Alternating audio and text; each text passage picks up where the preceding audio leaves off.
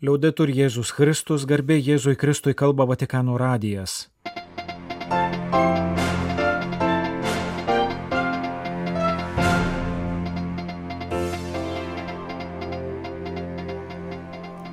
Malonus klausytojai šioje programoje. Popiežius pasidžiauja su atnaujinta kardinolų taryba. Sveikinimai visako šventės proga budistams. Popiežiškosios gyvybės akademija paneigė, kad jos pirmininkas pritarė eutanazijai atvilikis Ukrainoje, popiežius grįžta į Vengriją.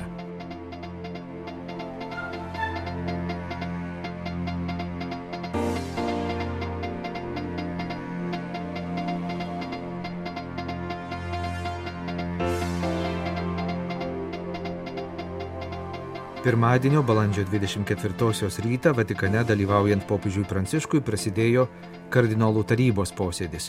Tai pirmasis posėdis po to, kai kovo 7 dieną popiežius atnaujino tarybos sudėtį.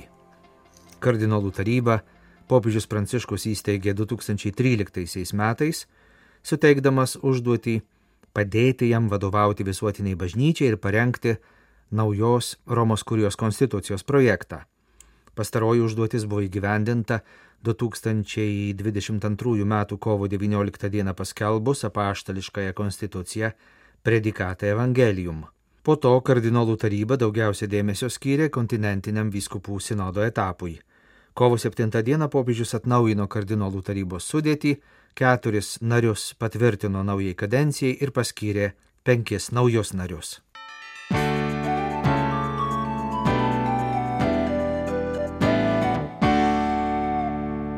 Netrukus pasaulio budistai šves itin svarbę Vesako šventę kuria minimas budizmo pradininko Sidhartos Gautamos arba Budos gimimo minuo. Ta proga įvairiuose šalise rengiami dideli ir spalvingi festivaliai, lankomos šventyklos, medituojama, susilaikoma nuo gyvulių skirdimo, mėsos valgymo, daromi geri darbai. Su Vesako švente pasaulio budistus sveikina Šventojo sosto tarp religinio dialogo dikasterijos vadovai. Visako šventę šves tradicinės budistų bendruomenės Lause, Indonezijoje, Malazijoje, Mienmare, Filipinuose, Singapūre, Vietname, Nepale, Šrilankoje, Indijoje, Bangladeše, Tailande, Japonijoje, Pietų Korejoje. Taip pat visame pasaulyje paplitusios diasporos bendruomenės ir budizmą prieėmę žmonės. Mūsų dikasterija, anksčiau vadinta popiežiškąją tarp religinio dialogo taryba, siunčia jums nuoširdžius sveikinimus, Vesako. Šventinių laikotarpio, kai minite būdos gimimą, nušvietimą ir mirtį, proga. Tegul ši šventė dar kartą įkvepia jūs toliau ieškoti supratimo apie dukha prigimti, ją sukeliančias sąlygas ir būdus, kaip ją įveikti. Rašoma sveikinime, pasirašytame dikasterijos vadovo kardinolo Ajuzo Gišo ir sekretoriaus Kodituvaku Kanka Namalagė. Jų paminėta duha savoka išreiškinti nepasitenkinimo, varganumo, kentėjimo būseną yra svarbi budizmo sampratos dalis. Švenčių laikotarpiai pažymima sveikinime, leidžiantis atsiplėšti nuo kasdienybės, padeda mūsų gyvenimo kančias ir žaizdas matyti bei spręsti kitoje šviesoje. Globali komunikacija leido suprasti, kad mūsų problemos nėra izoliuotos, jos yra visą žmoniją apėmusių įtampų ir blogių pasakmes. Skurdas, prievarta, diskriminacija, beingumas žmogaus ir gamtos poreikių nepaisantis vystimusi modeliai, religinio ir nacionalistinio ekstremizmo žadinama neapykanta galiausia neviltis, birstanti įvairiomis priklausomybių formomis. Šių bendrų žaizdų suvokimas iš mūsų religinių tradicijų reikalauja naujų solidarumo formų, pažymima tarp religinio dialogo dikasterijos sveikinime budistams. Visi sudarome tą pačią žmonių šeimą, priklausome vienas nuo kito, plaukiame toje pat valtyje, kurioje vieno problema yra visų problema. Suprantame, kad negalime išsigelbėti po vieną. Turime prisiminti, kad įvairios religinės tradicijos gali pasiūlyti vaistų žmonių, šeimų tautų ir planetos žaizdoms. Sveikinimo šiemetinės Vesako šventės proga išryškintas sąskambis tarp to, kas budizme vadinama karūna, o krikščionybėje agape. Abi savokos kalba apie veiklę ir nesavanaudišką atjautą. Buda mokė atjautos visoms gyvybės formoms. Budizme gyvuoja nesavanaudiškumo idealas - padėti kenčiančioms būtybėms, dalytis jų skausmų, kol bus išlaisvintos. Tokia gydanti atjauta yra priešnodis tarpusavėje susijusioms krizėms ir blogiams. Buda mokė medituoti apie atjautą, kuri padės atsikratyti kiekvieno žiaurumo.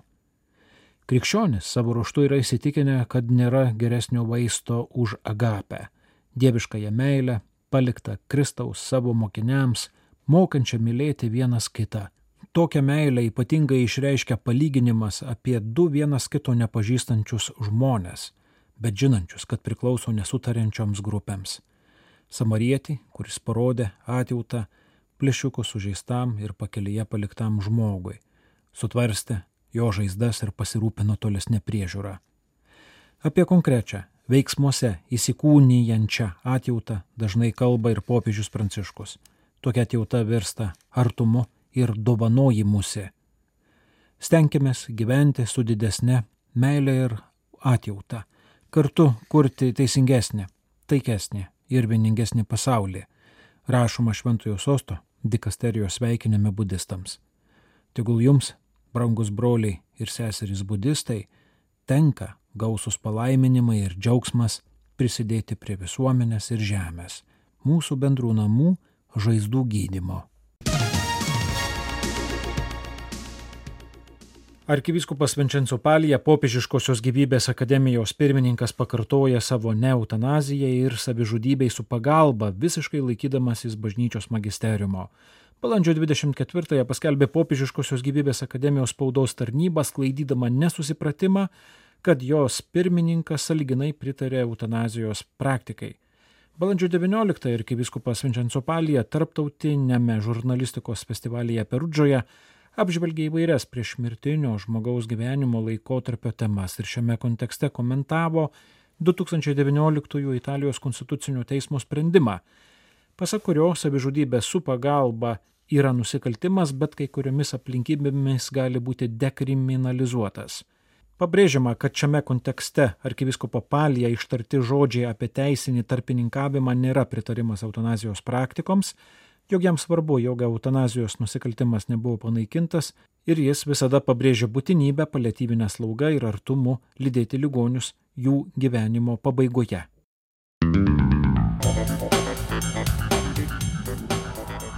Nors Ukrainoje šiandien daug skausmų ir baimės, tačiau bažnyčia prisikėlusiojo mokinių bendruomenė šiandien visiems skelbia prisikėlimo žinę ir kviečia džiaugtis, sakė Ukrainos graikų apieigų katalikų bažnyčios didysis arkivyskupas Vietoslavas Ševčiukas sekmadienį savo katedroje Kyive, aukodamas antrojo Velykų sekmadienio vadinamo apaštalo Tomo sekmadienio mišes. Šiandien girdime kiekvienam iš mūsų skirtą gilų ir galingą kvietimą pamatyti prisikėlusį išganytoją, jį paliesti ir su juo susitikti, kad mūsų baimė virstų tikrų Velykinių džiaugsmu.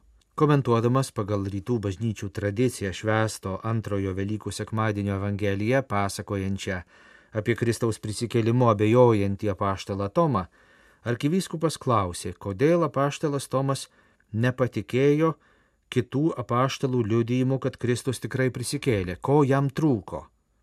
Tomui neužteko išgirsti apie prisikėlimą, jam reikėjo asmeninės patirties, jam reikėjo susitikti su prisikėlusiu Kristumi. Sutikęs jį asmeniškai, palietęs jo žaizdas, Tomas tarsi atgimė misijai, kuri jo laukė, ir galėjo sušaukti - mano viešpats ir mano dievas. Pasak Ukrainos graikų apieigų katalikų vadovo, ir bažnyčia yra pašaukta ne tik perduoti žinę, ne tik informuoti, kad Kristus prisikėlė ir yra su mumis, bet ji turi perduoti ir patį prisikėlusį jį.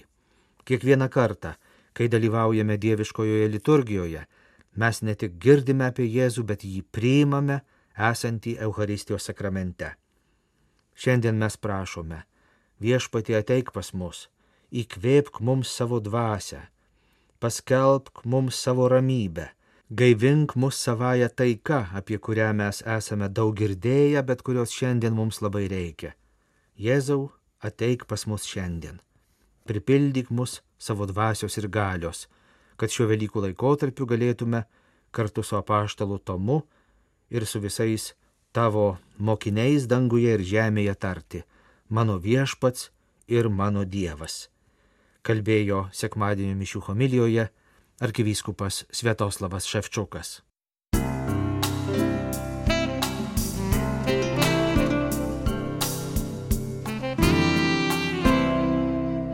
Popiežius Pranciškus grįžta į Vengriją, kurios sostinėje Budapešte jis jau lankėsi 2021 m. vasarą, kai ten vyko 52 tarptautinis Eucharistinis kongresas. Dabar balandžio 28 dieną prasidėsiančios trijų dienų kelionės tikslas - aplankyti Vengrijos katalikų bendruomenę. Vengrijos vyskupų konferencijos pirmininkas vyskupas Andrešas Verešas, artėjant popiežiaus vizitui į Vatikanų radijų duotame interviu sakė, kad nuo pat dienos, kai buvo oficialiai paskelbta apie kelionę, visose Vengrijos bažnyčiose per kiekvienas mišes buvo meldžiamasi, kad ši šventojo tėvo piligrimystė duotų gausių dvasinių vaisių. Vengrai su vizitu sieja didelius lūkesčius ir nori išgirsti popiežiaus padrasinimą dabartinėme savo šalies visuomenės ir Europos pokyčių kontekste. Šiuo metu Vengrijoje turime daug pabėgėlių iš Ukrainos, kalbėjo vyskupas. Kai kurie Vengrijoje ilgai neužsibūna, vyksta į Vokietiją ar kitas vakarų Europos šalis, tačiau daug šeimų pasilieka čia, ypač motinos su vaikais stengiamės padėti gauti būstą, darbą, o vaikams užtikrinti mokymasi. Žinoma, taip pat aukojame Ukrainai daug kasdieniam gyvenimui būtinų dalykų. Vyskupas sakė, kad kaip kitose Europos šalyse, panašiai ir Vengrijoje, bažnyčia yra susirūpinusi visuomenės gyvenime vykstančiais procesais - mažėjančia pagarba gyvybei, nepakankama pagarba kūrinėjai, jaunimo nutolimu, nuo tikinčių bendruomenės. Dėl to ir laukiama popiežiaus padrasinimo ir patarimų, kurių dabartinėme kontekste labai reikia. Jau priartėjusiai popiežiaus kelionė į Vengriją buvo skirta Romoje vykusi spaudos konferencija, per kurią kalbėjo Estergomo katedros parapijos administratorius ir katalikiškų laidų per Vengrijos televiziją koordinatorius kunigas Čaba Törekas. Pasak jo, oficialus šio vizito motto Kristus, mūsų ateitis, labai gerai atspindi tai, kas bažnyčiai Vengrijoje šiuo metu yra svarbiausia. Vengrijos bažnyčiai kelia nerima dabartiniai socialiniai ir kultūriniai pokyčiai, tradicinio religingumo nykimas, todėl jai reikia padrasinimo, reikia žinios, kuri padėtų jai eiti į ateitį. Kaip atsinaujinti, ko siekti kaip parodyti, kad Kristus ir tikėjimas yra kelias į mūsų šalies ateitį. Pagrindinis šio vizito žodis yra ateitis, o mūsų ateitis yra Kristus, kalbėjo kunigas Čaba Terekas. Per spaudos konferenciją buvo klausima apie patriarcho Kirilo ar jo atstovo dalyvavimo kuriame nors popiežiaus vizito įvykyje Budapešte galimybę. Kunigas priminė panašius svarstymus prieš beveik 30 mečius, kai 1996-aisiais Vengrijoje lankėsi Jonas Paulius II. Tuo metu buvo kalbama apie galimą popiežiaus Jono Pauliaus II susitikimą su tuometiniu Maskvos patriarchu Aleksijumi II Panonhalmos Benediktino abatijoje. Vengrijos bažnyčia stengiasi būti tiltas tarp ortodoksų ir katalikų. Aną kartą toks susitikimas neįvyko. Dabartinėme kontekste toks susitikimas dar mažiau tikėtinas ir iš tiesų netgi apie tai nėra kalbos. Kita opi tema - Vengrijos valstybės ir joje gyvenančios katalikų bendruomenės laikysena migrantų, kirtusių arba mėginančių kirsti pietinę valstybės sieną klausimu. Šiuo klausimu bažnyčia tyli, tačiau stengiasi veikti per savo labdaros organizacijas. Bažnyčios labdaros institucijos stengiasi rasti mažasias duris, jei negalima įeiti pro didžiasias, sakė kunigas, ir prisipažino, kad taip elgtis ją verčia finansinė priklausomybė nuo valstybės. Katalikų mokyklas, ligoninės, kitas institucijas ir netgi vyskupijas finansuoja valstybė. Vengrijos bažnyčia Vyskupų ir vyskupų konferencijos lygmenių laikosi vyriausybės nurodymų ir stengiasi prisitaikyti prie situacijos. Tačiau, jei kalbėtume apie bažnyčią kaip tikinčių bendruomenę, yra daug iniciatyvų, kuriomis bandoma duoti evangelinį atsaką į susidariusią situaciją, sakė kunigas primindamas, kad katalikiškos organizacijos daug nuveikė, padėdamos pabėgėliams Vengrijos pasienyje su Serbija. Šalis, kurią šiomis dienomis lankys popiežius Pranciškus, Vengrija, yra maždaug pusantro karto didesnė už Lietuvą. Vengrijos teritorijoje šiuo metu gyvena beveik 10 milijonų žmonių, kurių daugiau kaip pusė yra katalikai. Apie ketvirtadalis vengrų priklauso liuteronų ir reformatų bendruomenėms. Vengrijos valstybingumo pradžia laikomi 897 metai, kuomet kunigaikštis Arpadas pradėjo vienyti vengrų genčių žemės, tačiau kaimynų ir popiežiaus pripažinta valstybė Vengrija tapo tūkstantaisiais metais, kai priemė krikštą ir buvo vainikuotas pirmasis Vengrijos karalius Steponas. Po kelių šimtų metų iškilus turkų invazijos grėsmiai, Vengrija pateko jogailaičių bei Habsburgų dinastinių interesų akiratin ir galiausiai buvo jungta į Habsburgų imperijos sudėtį. XIX amžiaus viduryje jai buvo suteikta plati autonomija. Galiausiai po pirmojo pasaulinio karo Iš dalies buvusios Vengrijos karalystės buvo sukurta Vengrijos Respublika. Tarpukario metais valdyta autoritarinio režimo, prasidėjus antrajam pasauliniam karui Vengrija tapo Vokietijos sąjungininkė. Nuo karo pabaigos iki 1989, kaip ir kitas vidurio ir rytų Europos valstybės, Vengrija valdė komunistai. 2004 Vengrija priimta į Europos Sąjungą. Krikščioniškoji Vengrijos istorija prasidėjo tūkstantaisiais metais, kai karalius Steponas priėmė krikštą. Vėliau pirmasis vengrų karalius krikščionis buvo paskelbtas šventuoju. Prasidėjus reformacijai dauguma Vengrijos katalikų tapo protestantais, tačiau vėliau katalikiškos Austrų imperijos ir jėzuitų misionierių veiklos dėka nemaža dalis grįžo į katalikybę. Komunistų persekiojimų laikotarpiu Katalikų pasipriešinimo simboliu tapo kardinolas Jožefas Mincenti, nuteistas mirties bausme, išvaduotas 1956 m. sukilimo metu, keliolika metų gyvenęs Junktinių Amerikos valstijų ambasadoje Budapešte, 1971-aisiais ištremtas iš Vengrijos ir miręs Austrijoje. Pasibaigus komunistų valdymui, kardinolo palaikai buvo gražinti į Vengriją. Šiuo metu Vengrijoje yra 16 lotynų ir graikų apieigų katalikų vyskupijų ir viena Panonhalmos teritorinė abatija. Vyskupų einančių pareigas ir emeritų yra 37, kunigų diecezinių ir vienuolių beveik 2000, seserų vienuolių beveik 600, brolių vienuolių apie 60, seminaristų 270.